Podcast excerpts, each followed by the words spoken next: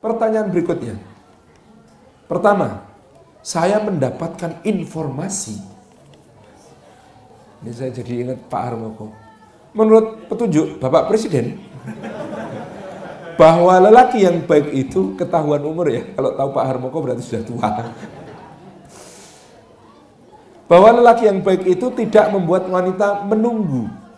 Apakah lelaki yang menjanjikan menikahi dalam 8 bulan ke depan adalah lelaki yang tidak baik, ya mungkin baik, tapi bukan yang terbaik.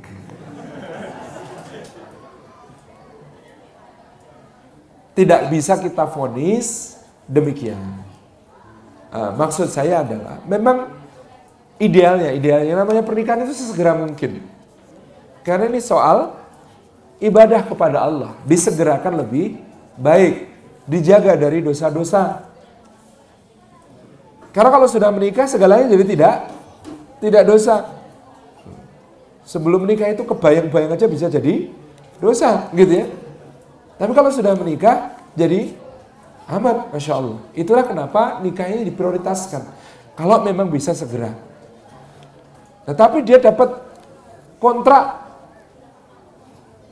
8 bulan lagi baru bisa menikahi. Ya nggak apa-apa.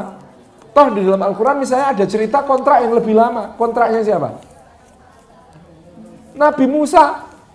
Nabi Musa itu sama bapak anak gadis yang ditolongnya memberi minum kambing. Itu dikatakan, kamu kerja 8 tahun ya.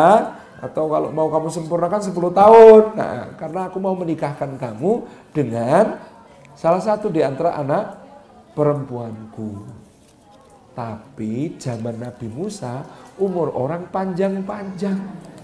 Jadi 8 tahun itu sebenarnya tidak lama berbanding umur.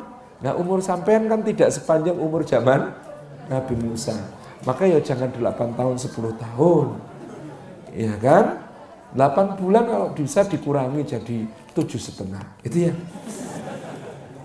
Kalau bisa dikurangi lagi ya jadi tujuh. Kalau enggak bisa dikurangi ya jadi tujuh bulan lebih sehari misalnya. Gitu kan, jadi tidak bisa kemudian dikatakan, wah kamu mas janji ini delapan bulan, kamu bukan lelaki baik. Cih, oh jangan. Mungkin dia sudah mengupayakan delapan bulan ini adalah saat terdekat yang mampu dia upayakan, termasuk mengupayakan tabungan biar cukup untuk walimah yang layak, biar bisa kemudian ngontrak, biar bisa kemudian memboyong kita ke tempat yang layak gitu ya. Hargailah perjuangan para.